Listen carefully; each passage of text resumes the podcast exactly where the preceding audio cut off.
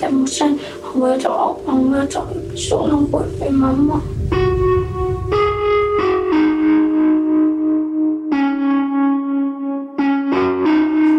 Så säger du om du skulle känna igen någon som är på kortet.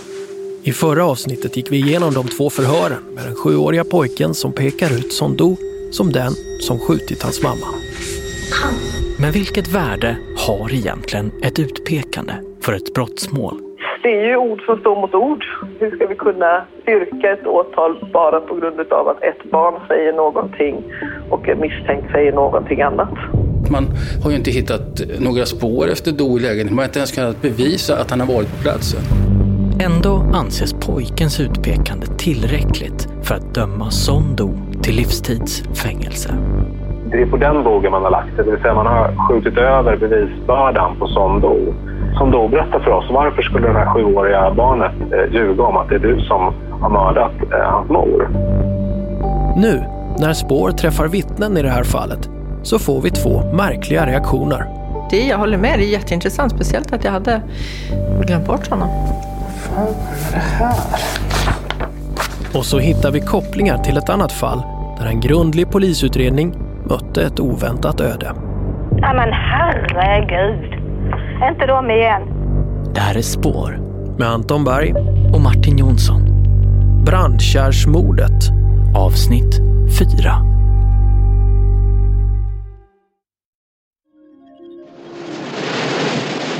At first, it's hard to make out. Vågor mot en strand. You take a closer look.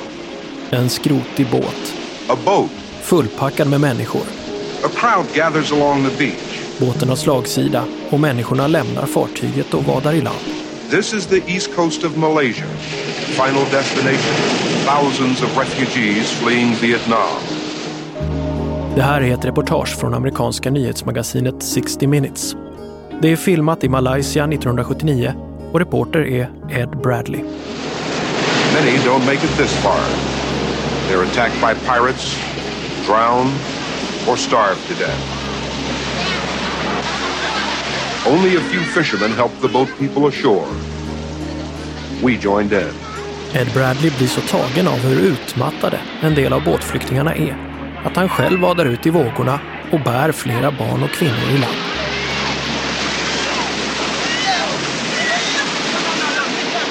–1987 gör Son Do sin båtflykt. Jag lämnade Vietnam den här 19 mm, maj. Jag kom till Hongkong. Jag bodde i Hongkong tre år i Hongkong. Han lämnar Vietnam där han förgäves försökt försörja sig på risfälten och som fiskare. Han tar med sig fru och tre barn med en fiskebåt till Hongkong. I flyktinglägret arbetar Son Do som kranförare. Och efter tre års tid får han möte med FN-personal och ett nytt land visar sig bli familjens framtid. Och sen jag fick den här intervjun från en grupp från Sverige. Jag kom till Hongkong och jag fick komma till Sverige 1991, 6 mars. 1991 är Son Do en av de totalt 1065 båtflyktingar som får komma till Sverige. Familjen Do hamnar i Nyköping. Jag kommer till Nyköping. Jag är väldigt tacksam för staten och kommunen. Ge min familj mat och jag får gå till skolan och läsa svenska.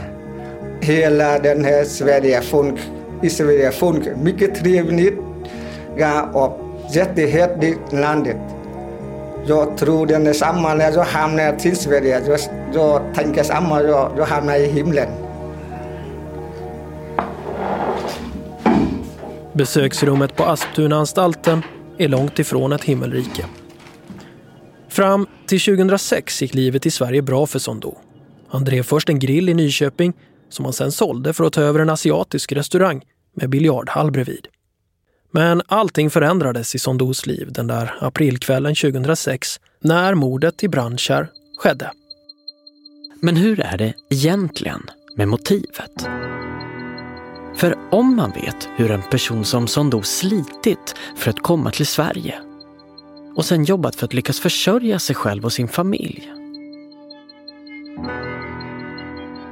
Kan det då stämma med den teori som tingsrätt och hovrätt anser att åklagaren bevisat bortom rimligt tvivel? Så här resonerade åklagaren.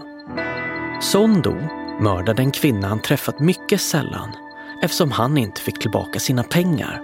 Det handlade om en skuld som inte kvinnan själv hade, utan hennes exmake hade. Det är en skuld som dessutom Son Dos son Hung påstods ha tagit över. En skuld på 4 500 kronor. Oj då, det var inte mycket. Mm.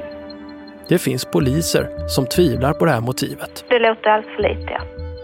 Det här är Marianne Paulsson. Hon har varit ansvarig polisutredare för en mycket speciell förundersökning. Trots att den var noggrann och framgångsrik så utbrister Marianne Paulsson så här när jag frågar henne om det ärendet. Ja men herregud. Inte de igen. Du, det är åtta år sedan eller nio. Ja, det är riktigt. En gång i tiden gjorde jag det. Tusentals vietnameser har under åren flytt hemlandet för att få uppleva det som Son beskriver som Du hamnar i himlen. As far as we could tell, no one drowned coming ashore. Thank you, thank you, thank you. And just for that, some were grateful. Thank you, number one. Vi ska flytta oss till en annan polisutredning som gäller vietnameser i Sverige och som skedde ungefär samtidigt som brandkärrsutredningen. Det kommer visa sig att de här två polisutredningarna har flera likheter. I Halmstad började polisen under 2005 nysta upp en härva där människor tjänat grova pengar på andra människors önskan om ett bättre liv. Polisen hade fått uppgifter som tydde på människosmuggling och under 2006 startade man telefonavlyssningar hos främst fyra personer som misstänktes vara kärnan som organiserade smugglingen. Marianne Paulsson häpnade över vad man fick fram. När vi hörde talas om detta första gången, att man gör så här. Vi bara tittade på varandra och riste på huvudet tänkte detta är inte möjligt. Alltså detta är ju så befängt så det är bara inte möjligt att man kan göra så här. Men av ren nyfikenhet så startade jag och började rota i det. Och ju mer jag rotade i det desto dyrare blev jag. Och förstod att det här är något som är väldigt, väldigt avancerat. Det visade sig att människosmugglingen var mycket väl organiserad och intrikat uttänkt. Vad som hade hänt i ärendet var ju att man skengifte sig Eh, alltså man lurade Migrationsverket att låtsas att man var gift med någon i Sverige eh, och det var man på, i verkligheten men det var ett skengifte för att få komma hit. Det berättade de ju själv. Aha, så det var inga mm. konstigheter med det. Nej. Så det var, det var skenäktenskap och det var i och för sig brottsligt. Men det, det, det, är i och för sig ett brott, men det var ju inte det värsta eh, i det här. Utan sen gjorde man ju dessutom så att, att familjer i Sverige eller familjer i Vietnam skickade hit ungar som, eh, under för, man skickar hit barn alltså på falska identiteter eh, där man låtsade att barnet var eh, barn till föräldrar i Sverige fast de inte var det.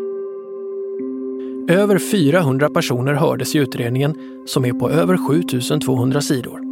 I förhören erkände många inblandade och det som framkom då fick poliserna ta till en mycket ovanlig åtgärd. Så när vi DNA-testade föräldrarna med barnen så var de inte föräldrar till sina barn. När polisen DNA-topsade ett antal personer hittade man drygt 20 barn som inte var biologiska barn till de personer som stod som föräldrar i passen. Jag tror inte någon av de eh, barnen som vi topsade eh, var föräldrar, hade rätt föräldrar, inte någon. Hur gamla var de då? Ja, allt ifrån eh, tre, fyra år till halvvuxna men barn. Marianne Paulsson och hennes kollegor i Halmstad byggde tillsammans med Internationella åklagarkammaren i Göteborg en solid utredning. Jag hade ju en chart som var stor som en ladugårdsdörr. Den smugglarverksamhet man kommit på spåren hade startat 2003 och kretsade kring de fyra arrangörerna som, precis som Sondos familj, kommit till Sverige på 90-talet som båtflyktingar vietnameserna var nog rätt upprörda över detta för det var ju från dem sen vi fick uppgifter att, att de här människorna var några helt andra. Så de var ju faktiskt rätt så samarbetsvilliga, eh, vietnamesisk polis. I domen står det att organisatörerna tillhandahåller en person i Sverige som fungerar som en make i ett skenäktenskap. Sen tar man kontakt med intressenter i Vietnam. En kvinna och kanske ett barn. De betalar en summa pengar mellan 250 000 och 300 000 svenska kronor. Då ingår äktenskap och instruktioner för hur man ska svara i de intervjuer som hålls på svenska ambassaden i Vietnam.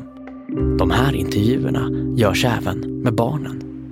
Men det var väl framförallt att man gjorde det på barn.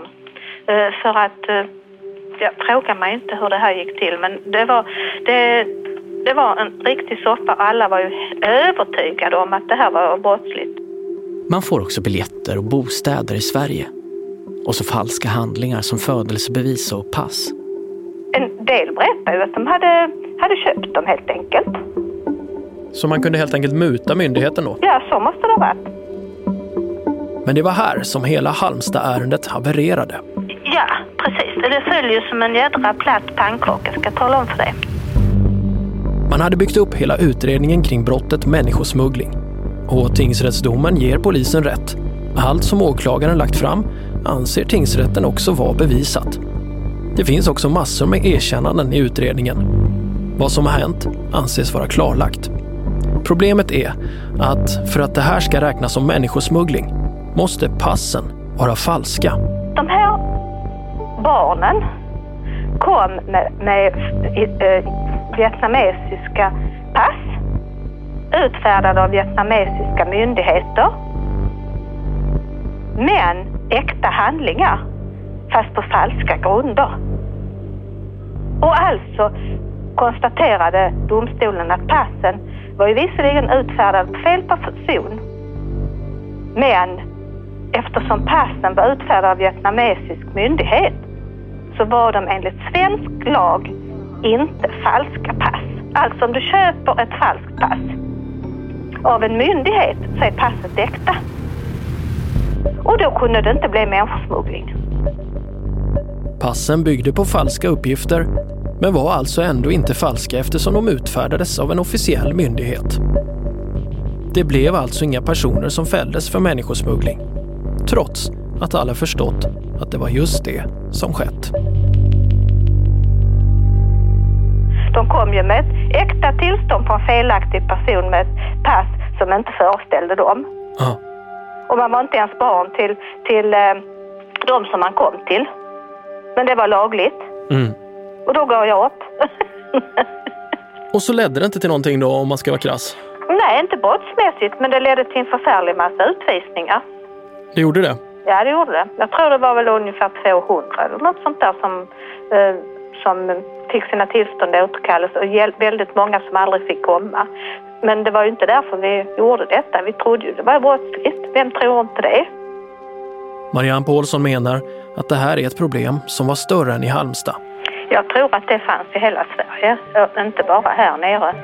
Eh, Men sen hur det är i ditt fall, det har jag ju ingen som helst aning om. Men, men att, det, att det där var ett modus som man hade hållit på med rätt länge när vi kom på det.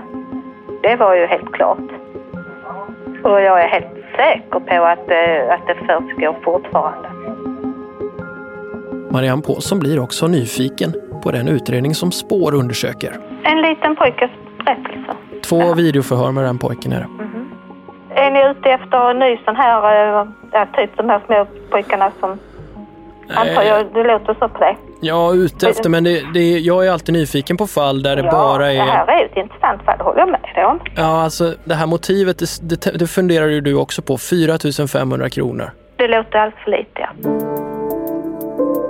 Marianne Paulsson är alltså inte den enda polis som funderar över Brandkärrsmordet. I förra avsnittet hörde ni polisen som tog tjänstledigt för att jobba som advokatutredare. Peter Karlsson. Peter Karlsson har alltså jobbat som utredare i både Kajlinas fall och för Esa Teitinen. Båda friades senare efter resning i Högsta domstolen. Peter Karlsson menar att även Son Do borde frias. Ja, han ska inte sitta där på de här premisserna, så enkelt är. Här arbetade Peter Karlsson för advokaten Björn Hurtig. Då är jag anställd som utredare på advokat Hurtigen Company. Eller Partners heter de. Och då testade han om Son Do verkligen hade haft möjlighet att utföra mordet. Då måste Son Do ha tagit bilen från sitt garage under den tid garageporten öppnats av hans nyckel. 1951 och sen återkommit 2013.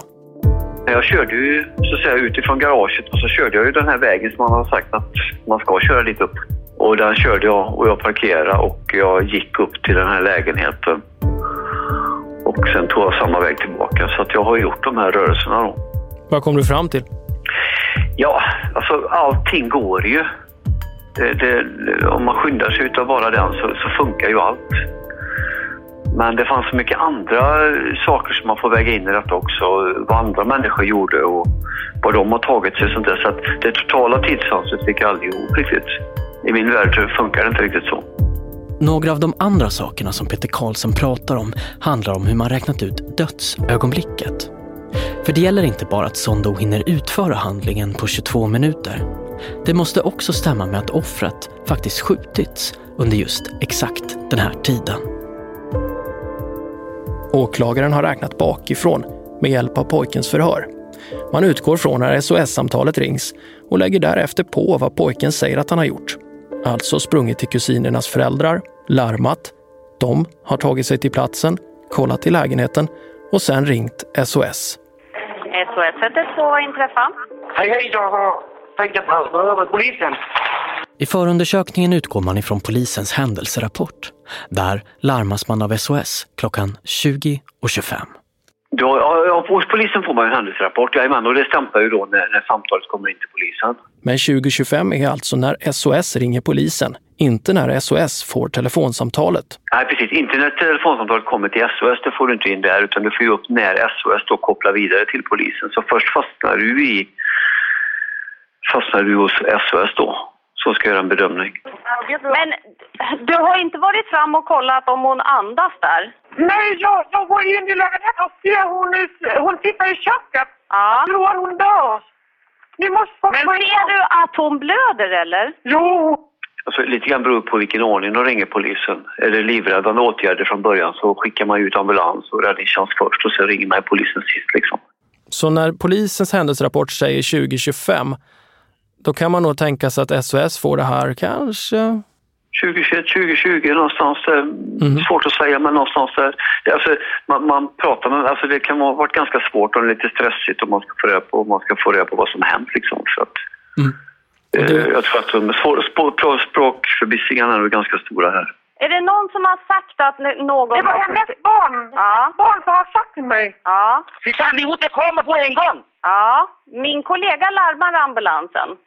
Okej, ni måste Ja. komma på en gång. Ja. Men ni, ni har, har ni kommit in i lägenheten där? Det är inte Jag har kommit in den. Vi har kommit in den. Ja. Det får hennes barn springa hos Ja. mig. Men kan ni då kolla om hon andas? Nej, hon an- andas inte. Har ni kollat det? Nej, jag har inte gjort någonting. Nej, men ska Man vi... det. Ja, men om vi ska försöka tillsammans och rädda hennes liv, då måste ni kolla om hon andas. Här uppskattar vi saker. Varför fanns inte... Varför, det här måste ju funnits en tid på detta när den här telefonen ringer SOS. Ja, absolut. Men det finns inte förundersökningsmaterialet, det samtalet. Det gör det inte. För då hade man ju fått en precis tid. Precis. Jätteviktigt. Och sen Och hade man ju kunnat ta bakvägen också. Man hade kunnat ta det via den telefonen som ringde. För det, det är ju en viktig tidpunkt. Va? När rings samtalet? De här fyra minuterna kan faktiskt ge Sondo alibi. För det finns fler detaljer här som går att tolka på olika sätt. Ska vi starta klockan här då? Ja, kör. Där är vi igång. Då kör vi. Men som vi sa i förra avsnittet, när Peter Karlsson gjorde det här testet var han inte polis. Då kommer man ut här och då måste man svänga höger upp för backen efter garaget. Han jobbade för advokat Björn Hurtig som ville få resning för sin klient som dog. Vi behöver alltså göra ett oberoende test själva för att ta reda på om Sondo hinner utföra mordet på det sätt som åklagaren hävdar. Ehm, Så, nu har vi lämnat gågatan. Åker vi mot centrum och ut ur centrum mot det som kallas för brandkärr. Har man hittat mordvapnet? Nej. Det fanns eh, en 9 mm patron, en hylsa. Som man ser är från ett militärt lager. Ehm, det är samma sorts eh, ammunition som man tror att den helt enkelt är stulen därifrån och köpt på svarta marknaden. Så det är ganska kort Nu är vi nämligen redan framme i branschen. Det är alltså ja, ganska tråkiga lägenheter om du frågar mig. De ligger som i S-formade huskroppar om sex våningar. Uh, jättemånga lägenheter. Nu börjar vi närma oss parkeringen. Polisen har testkört och de har fått fram att man kör sträckan från garaget till parkeringen utanför Brandkärrsvägen på 3 minuter och 52 sekunder. Där är det 60. Vi lyckas, utan att någon gång köra för fort eller fastna i trafik, köra sträckan från garaget till parkeringsplatsen utanför mordplatsen på 5 och 10. Sen har polisen angett att det tagit dem en minut och 50 sekunder 60, där borta. Att ta sig från parkeringen till port nummer 60. Vilken våning? Tre. Jo, här tog en minut att ta sig från parkeringen. Och sen ytterligare 31 sekunder. Hissen, Ta sig upp i hissen till våning tre.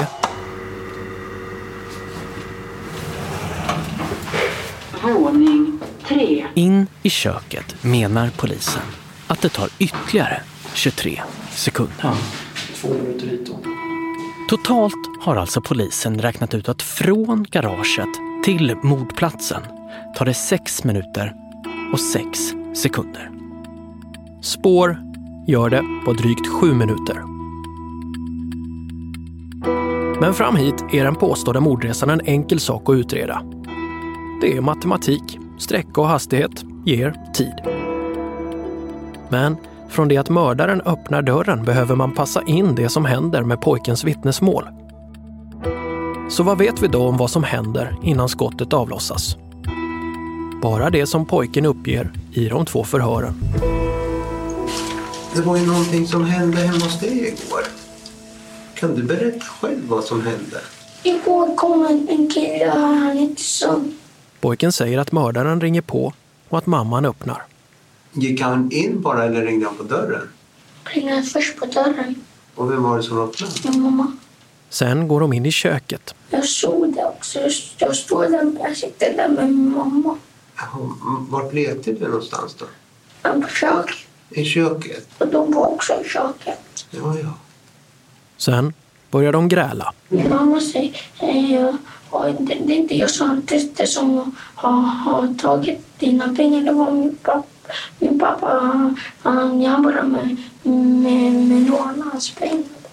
Efter det skjuter mördaren kvinnan. De skriker på mig och sen han har tagit pistolen på min mamma. Innan mördaren lämnar platsen riktar han dessutom pistolen mot pojken. Han tänkte han sköt mig också. Hur gjorde han då? då? Sköt min mamma och sen han gjorde pistol på mig för höger. För att faktiskt han sköt inte. Nej, nej. Men hur lång tid det här tar är väldigt svårt att uppskatta. Efteråt menar polisen i sin utredning att man tar sig tillbaka till garageporten under Sondos restaurang på 8 minuter och 30 sekunder. Alltså två och en halv minut långsammare än man tog sig till mordplatsen.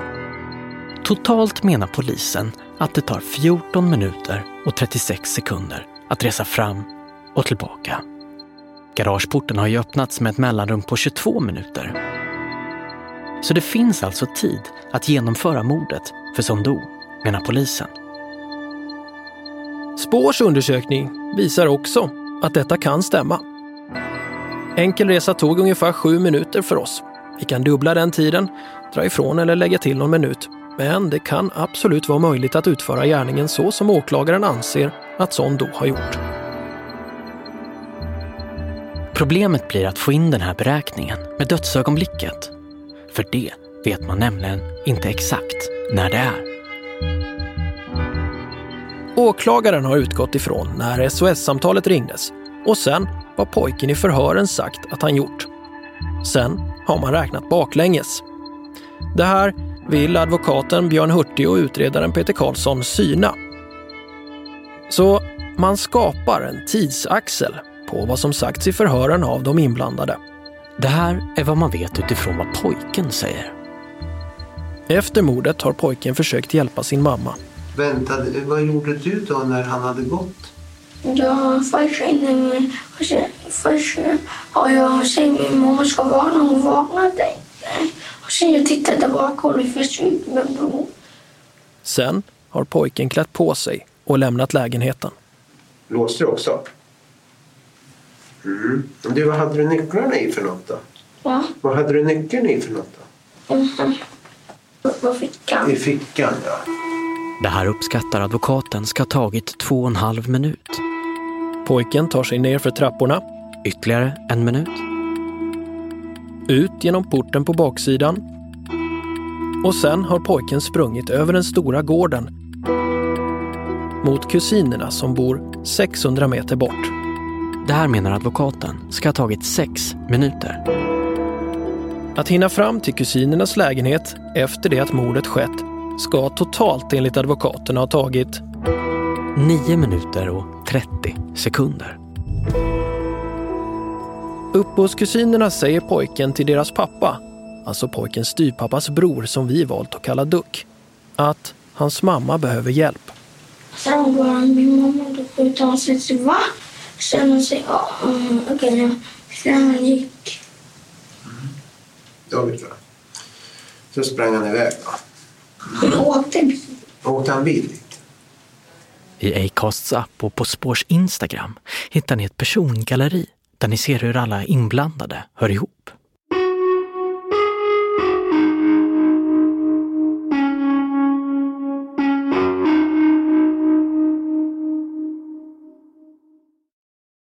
I förhör med Duck och hans exfru My, som också är hemma, säger de två att de sitter och tittar på TV när det ringer på dörren. Deras barn öppnar och när de hör att det är pojken och att han gråter försöker de förstå vad han säger. My frågar flera gånger. Pojken verkar rädd. Han säger att något har hänt. My minns det som att pojken säger Mamma, det är så blodigt. Till slut tar My och Duck på sig sina jackor och lämnar pojken med sina barn. Advokaten Björn Hurtig menar att förvirringen här gör att det tar fyra minuter innan My och Duck ger sig iväg. De ska ha tagit sig ner till Ducks bil. Två minuter. Som de kör tillbaka till offrets lägenhet och parkerar. Tre minuter. De går från parkeringen till lägenheten. En minut och 50 sekunder. Och så ringer de till Ducks bror, pojkens styvpappa som vi kallar Tau. Två minuter. Sen går Duck och My upp till lägenheten och hittar den döda kvinnans kropp. De förstår att hon är skjuten och tar sig tillbaka ner och ut igen. Tre minuter och 30 sekunder. Väl nere så är de chockade och förvirrade och säger i förhör att de inte vet vad de ska göra. En minut. Sen ringer de SOS. Ja, men var det länge sedan då, eller vad då? Ja, jag vet inte hur många timmar sedan. Aha. Hur gamla är hennes barn? Hon är, han är sju år. Okej. Och då är klockan 20.25 enligt förundersökningen, men 20.21 enligt advokat Hurtig och Peter Karlsson eftersom 20.25 är tiden när polisen larmas, inte när samtalet rings. Det här har vi gått igenom tidigare och det är sannolikt så att advokatens tidsuppgift stämmer bättre. Samtalet är förvirrat och ambulansen larmas tidigare, när man fortfarande tror att kvinnan är vid liv. Fy fan, ni måste komma på en gång! Ja, min kollega larmar ambulansen. Okej, ni måste komma på en gång. Ja. Men ni, ni har, har ni kommit in i lägenheten där? Det är inte Jag har kommit in? Vi har kommit in den. Ja. Om advokat Björn Hurtigs tidtabell stämmer innebär det att det tar 26 minuter och 40 sekunder från det att kvinnan skjuts till att larmsamtalet rings klockan 20.21. Då ger matematiken att kvinnan skjuts 19.55. Det skulle innebära att Sondo måste ha åkt från garaget minst sex eller sju minuter tidigare för att hinna utföra dådet. Alltså 1948 eller 1949 ungefär. Men garagedörrarna öppnades 1952, menar Björn Hurtig.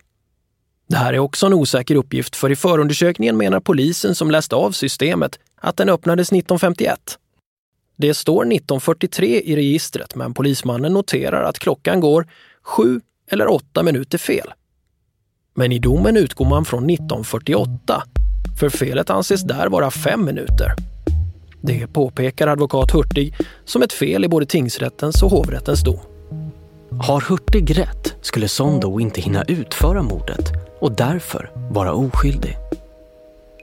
Man kan inte lämna garaget i bil flera minuter före garageporten öppnas. Men många av de här uppgifterna är svåra att kontrollera.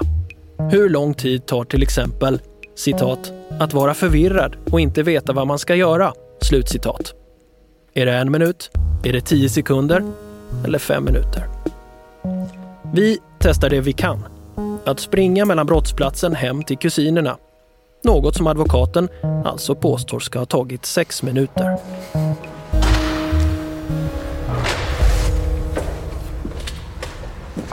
Nu kan vi, jag vet inte exakt hur snabbt en... Uh, men vi jogga lite då. Men vi joggar lite då. Ja. Han, han springer på ett sätt för sitt liv här, om det stämmer. Alltså, hans mamma blivit skjuten. Så att han springer nog ganska fort. Du ser, det är ett jätteområde det här ju. Ja.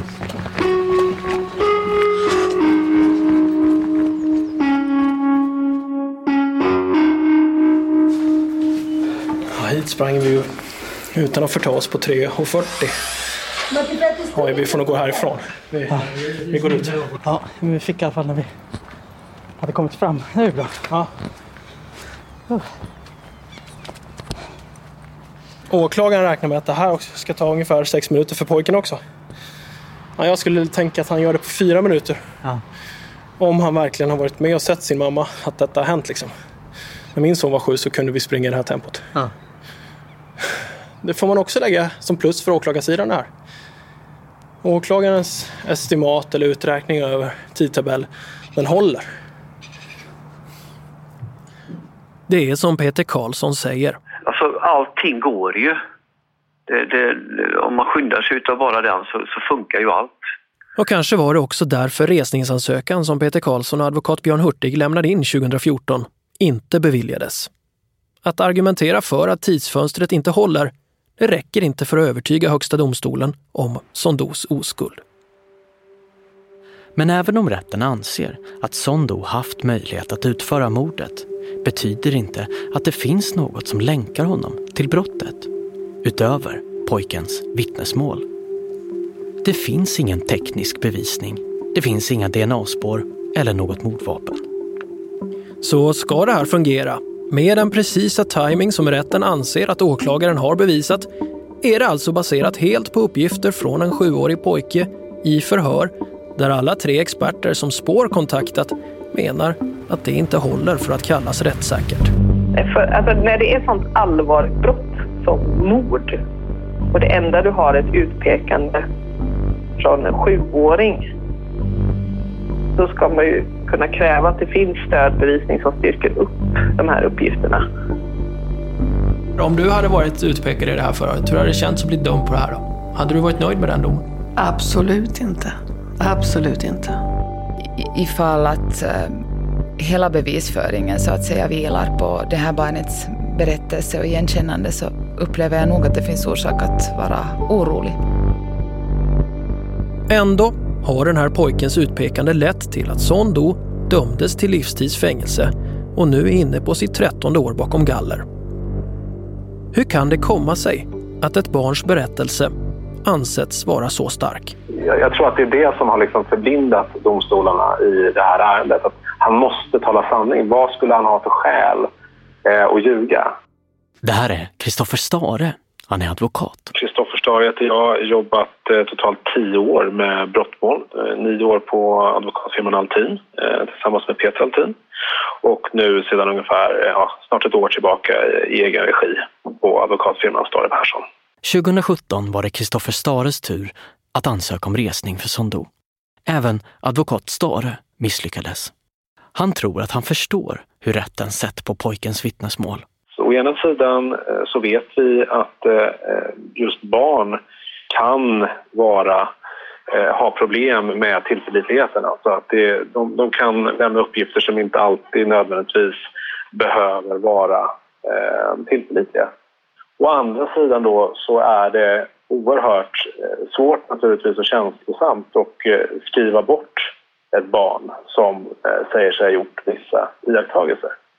att det, är, det är på den bogen man har lagt det. Det vill säga man har skjutit över bevisbördan på Sondo. Sondo berättar för oss varför skulle det här sjuåriga barnet ljuga om att det är du som har mördat hans mor. Och problemet med det är ju att det så att säga, omkullkastar de eh, rättssäkerhetsprinciper som vi har i Sverige när man gör på det sättet. Men det, är- det är så jag tror. Det är det enda jag kan få in i mitt huvud är att eh, det är så man har resonerat från domstolens sida. Men ingen av de tre barnförhörsexperter vi pratat med anser ju att pojken medvetet ljugit. Det handlar snarare om en risk att pojken kan ha påverkats att peka ut Sondo felaktigt. Docent Sara Landström. Att ljuga är en sak, att bli tillsagd att säga någonting av en vuxen är en helt annan. Docent Julia Korkman drar samma slutsats. För jag tycker inte att man har kunnat utesluta um, att han har blivit så, som sagt instruerad eller, eller att han har fått en förvrängd minnesbild av, av vad som utspelar sig den kvällen. Men är det verkligen möjligt att påverka minnet så här? När jag började ringa upp vittnen som är centrala i den här historien fick jag mig en tankeställare. Och det var inget mot vad de själva fick. Titta vad man har glömt ändå. Ja, det är fantastiskt. Det här är Tobias Karlsson som ju träffade Sondo i biljardhallen på mordkvällen. Det ni hör är från när jag intervjuade honom, 12 år efter mordet. Vi sitter på biblioteket i Nyköping och Tobias Karlsson läser en utskrift av sitt vittnesmål. Det här är ju lite intressant. Han tror inte sina ögon. Vad fan är det här? För i telefon till mig sa Tobias att Sondo agerat på ett mycket märkligt sätt den där mordkvällen. Det var definitivt något misstänkt över hur Sondo pratat med sina söner och med Tobias. Men nu, när Tobias Karlsson läser vad han sa då, för 12 år sedan, så ser han att det var raka motsatsen till vad han har minns. I min minnesbild så var det ju att familjen var lite upprörd bakom disken. Och i förhöret så står det eh, att jag inte har lagt märke till något särskilt eh, vad gäller mannen som har den här tatueringen på handloven som då Ja, så det är helt okej att Ja. Och att eh, det, det, som jag inte minns heller när vi pratade med varann var att, att det var just specifikt den kvällen som, som Sondo var framme och pratade vid biljardbordet. Ja, för när vi pratade telefon då var du ganska tydlig med att det är någonting som hade hänt här. Det kände man av, sa du. Ja, precis.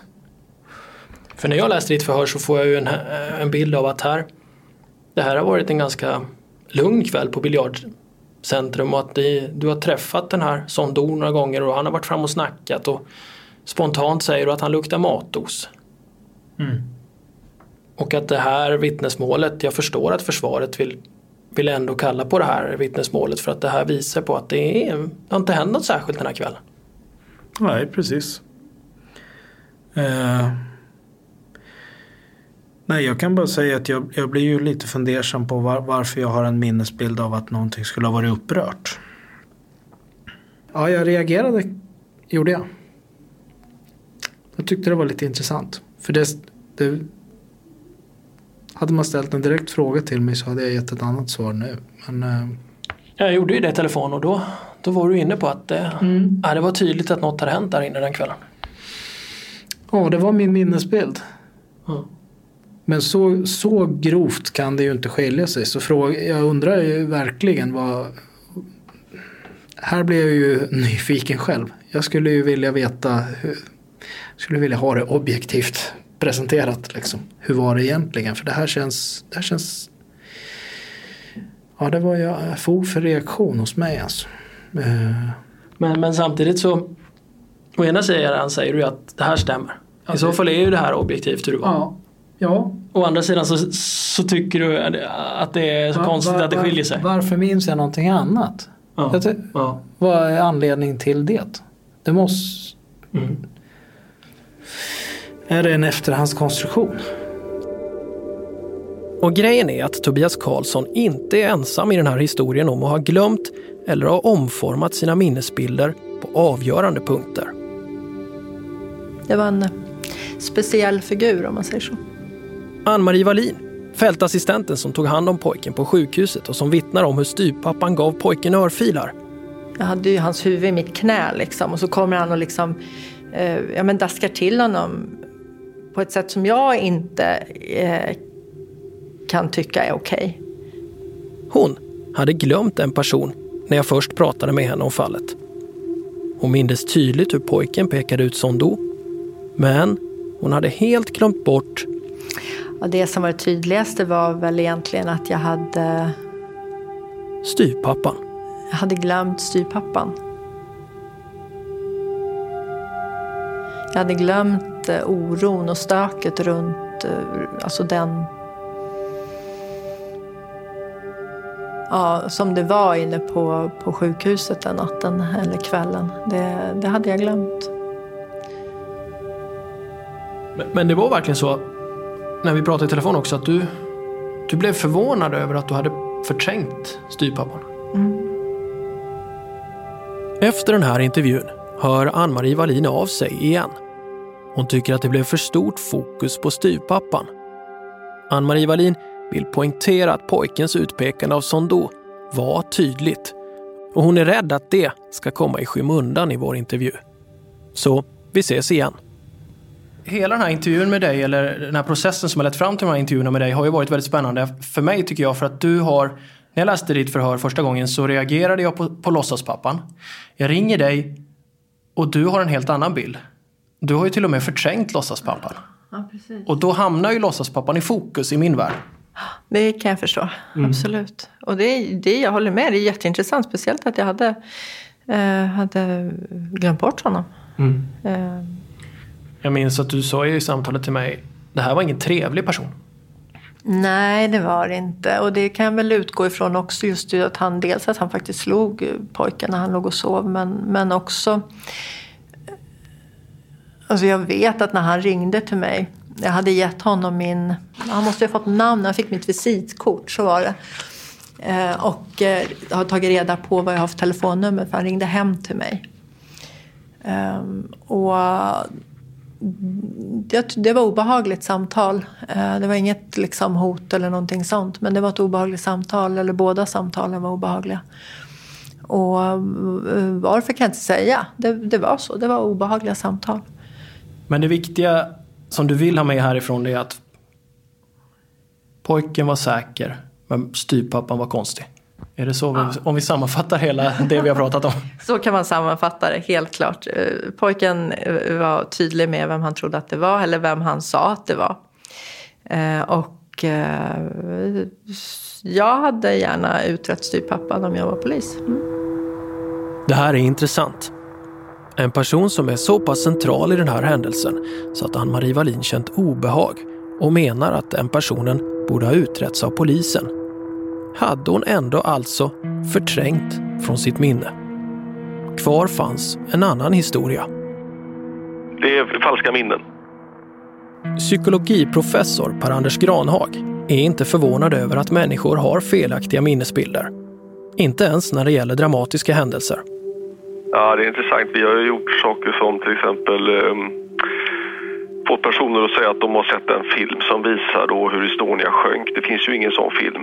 Men man uh, tror inte på det när, man, när vi sen säger detta. Tror inte på det. Man säger jag har sett en film. Man ser hur båten sjönk.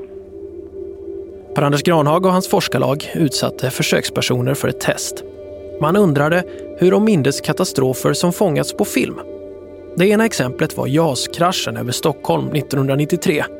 Den sa sig nio av tio personer ha sett.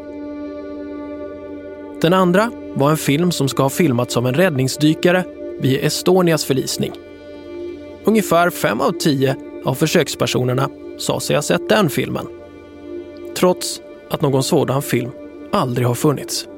De kan berätta var de var när de såg filmen. Deras brorsa ropade på dem och sprang ner för trappan och på halka och så har de, de har sett det flera gånger också. Studien visar också hur minnet påverkas av andra människor. En spelad försöksperson deltog nämligen i nästa försökssteg. När den personen sa ja, den filmen glömmer man aldrig, då svarade 75 procent att de sett filmen. När personen istället sa den filmen finns inte, då var det bara 30 procent som sa att de sett filmen. Men det är en sak att minnas fel när det passerat uppemot 12 år från en händelse. Men pojken i Brandkärr förhörs ju bara 12 timmar efter det att han har varit med om det mest dramatiska man kan tänka sig. Går det ens att missta sig då? Borde inte minnet sitta starkare och vara klarare om man befunnit sig i en livshotande situation? Falska minnen är ju så in i helvete intressant. Det här är Johan Eriksson. Han är en av Sveriges mest kända advokater. Den senaste stora rättegång han deltagit i var det stora terroristbrottmålet där Ahmad Akilov åtalades och fälldes för dådet på Drottninggatan där fem människor dog. Johan Eriksson var Akilovs advokat. En uppgift intressant nog i sig, men det som är relevant för brandkärsmordet och minnet är två vittnesmål han undersökte då. En kvinna som berättar. Eh, hon är tidigt på Drottninggatan så hon kan rimligen inte haft så mycket erfarenheter av. En del är ju väldigt präglade av vad de har sett innan och ser omkring sig. Det kan inte hon ha gjort. Hon går tidigt på gatan. Hon berättar att hon går ut eh, precis bakom de två första som blir påkörda. Så hon säger själv att det är typ ett mirakel att jag inte blev träffad. Hon säger att sen gjorde jag någonting som jag aldrig trodde var möjligt. Jag hoppade över en av de här lej- betonglejonen och satte mig i, i liksom skydd. Och det här berättar hon i förhör, det berättar hon i rätten och sen så det har jag tittat på filmerna och då förstår jag att hon är en annan person. Det är bara att man, man har trott att hon inte finns på filmen. Men när jag ser henne i rätten och när jag hör hennes berättelse så förstår jag att hon finns på film. Så att jag visar filmen, jag ber åklagarna visa filmen. Så här är ju du. Jag tittar, säger hon. För det första går hon inte mitt i gatan bakom offren utan hon går dikt ut med butiken. Och när, när bilen passerar så är hon i skydd av betonglejonet. Hon hoppar ingenstans. Utan hon går i skydd av betonglejonet. Sen ser man att hon förstår att någonting händer och blir väldigt rädd. Och sen svänger hon runt ett hörn. Så det hon berättar, det är ett helt falskt minne. Som innehåller att hon även har hoppat över ett betonglejon. Det har aldrig hänt. Det har aldrig hänt. Och det, det är klart att hon inte ljuger. Hon har liksom ingen anledning att ljuga. Men det, var, det, var, det är ett helt totalt falskt minne. En annan kille han säger så här. Det, det är en sak jag inte kan förstå. Jag kände mig som Spindelmannen. Jag lyckades hoppa upp på en mur och det var det som satte mig i säkerhet. Och jag tänkte, det finns ingen mur. Jag åkte dit, tog bilder. Det finns en mur, den är så här hög. En kant, den är, den är tre centimeter. Jag säger, berätta en gång till. Han säger, jag berättar och jag hoppar upp på muren. Jag kan inte förstå hur jag lyckas med det. Nej, men då sa jag, titta på bilden här. Den är tre centimeter hög. Det, är- det är som att kliva upp på en trottoarkant. Han fattar inte, han, han kan inte förstå vad han ser. Han säger, men jag har i alla fall hoppat upp på en mur. Alltså, det finns ingen mur. Men hans minne säger att han har hoppat upp på en mur. Och det är ju ett helt falskt minne. Och han berättar ju om det trovärdigt. Han till och med börjar att berätta om det. Hon också. Och det är ju att vi kan inte bedöma folks berättelser på hur de berättar eller vem de är.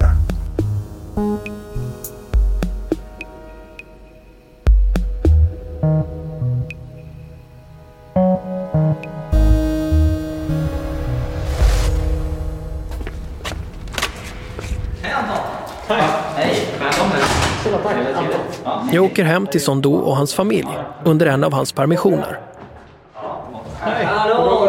Hej, hej! Välkommen! Tack så mycket. Det är bra? Ja då. Jag har med mig videoförhören med pojken från 2006.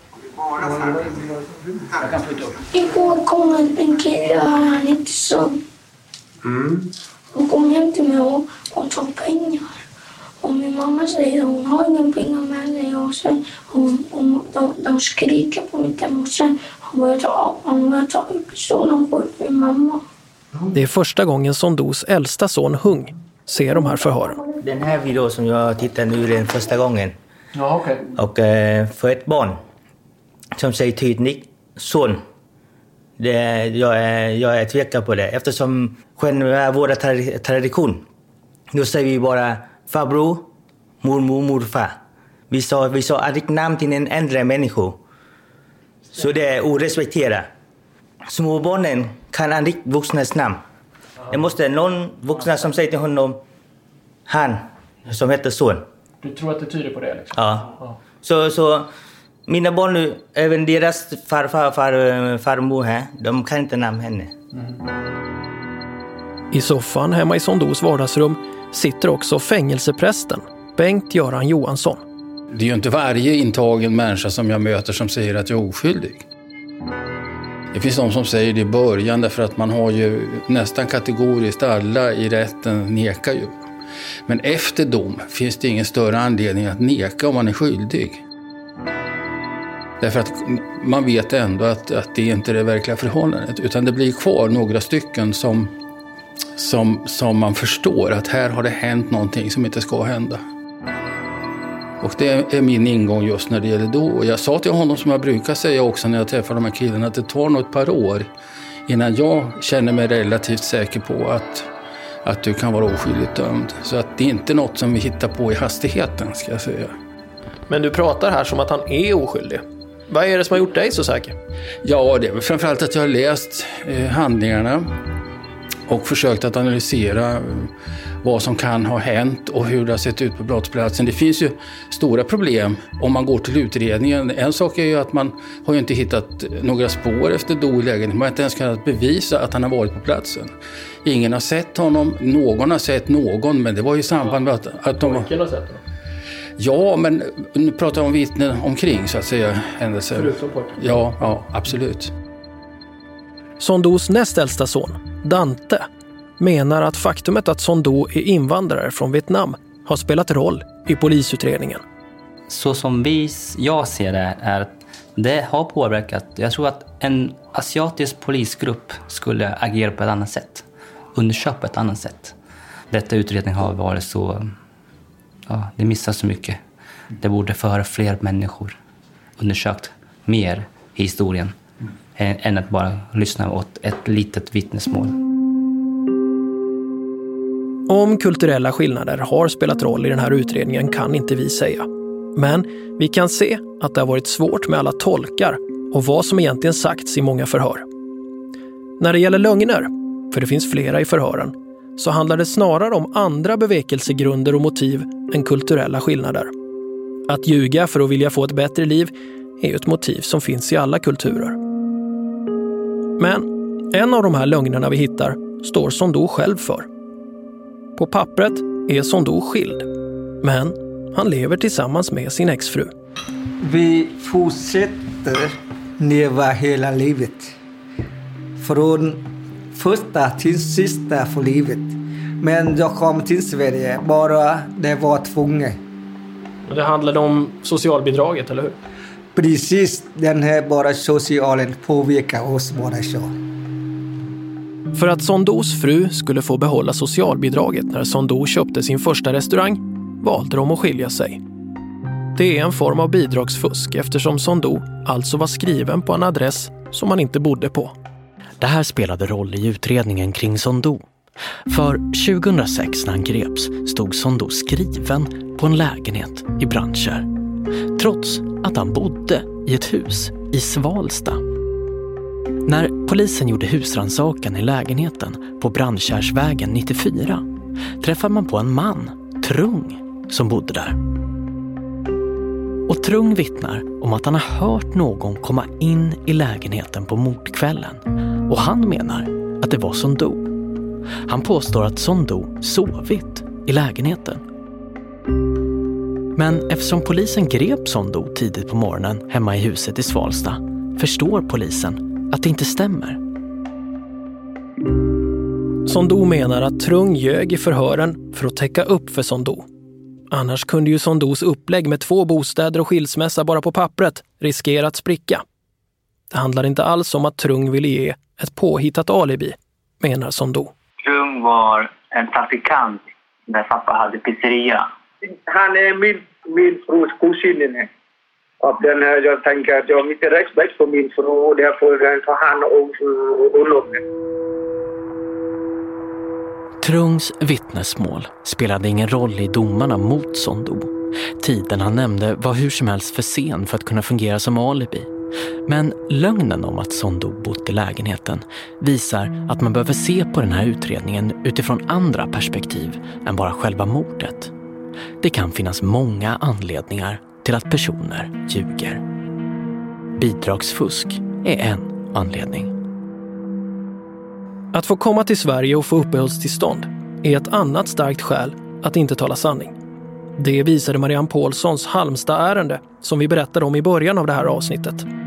Jag tror att det fanns i hela Sverige, inte bara här nere. Ehm, men sen hur det är i ditt fall, det har jag ju ingen som helst aning om. Men, men att, det, att det där var ett modus som man hade hållit på med rätt länge när vi kom på det, det var ju helt klart. Det Marianne Paulsson berättade fick oss att kolla om det fanns beröringspunkter mellan utredningarna. För i ett förhör med styrpappan Duck verkar polisen i Nyköping misstänka att det är något lurt med Ducks förhållande till den mördade kvinnan. Skulle han bara lämna henne när hon åter träffat pojkens biologiska pappa? Polisen frågar Duck om han tagit emot pengar från kvinnan för att hon ska få gifta sig med honom och komma till Sverige. Men Duck nekar. Han gifte sig med kvinnan för han tyckte synd om henne. Och delvis av kärlek. Och där släpper polisen det spåret. I Acasts app och På Spårs Instagram hittar ni ett persongalleri där ni ser hur alla inblandade hör ihop. Kvinnans första man, pojkens biologiska pappa som vi kallar Lång, menar att han kom till Sverige före kvinnan och pojken men att han flera år senare träffade kvinnan av en slump i Nyköpings centrum och att de då bestämde sig för att flytta ihop igen. Polisen följer inte upp det här.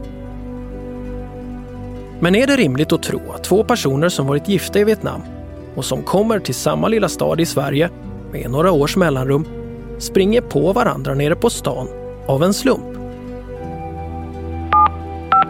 I nästa avsnitt av Spår. Välkommen till Skatteverket. När Spår kontrollerar släktingarna kring pojken framkommer ett nytt samband. Ska vi se, jag ska bara börja med in och se om han har varit gift mer än en gång. Här ska vi se. Och med det här sambandet kommer också ett annat potentiellt motiv. En man gifter sig inte med en äldre vietnamesisk kvinna. Alltså det sker bara inte. Vi får också kontakt med pojken som nu själv vill se förhören han gjorde för 13 år sedan. Då kör vi då. Det första som kommer hända är en bild på dig när du var sju.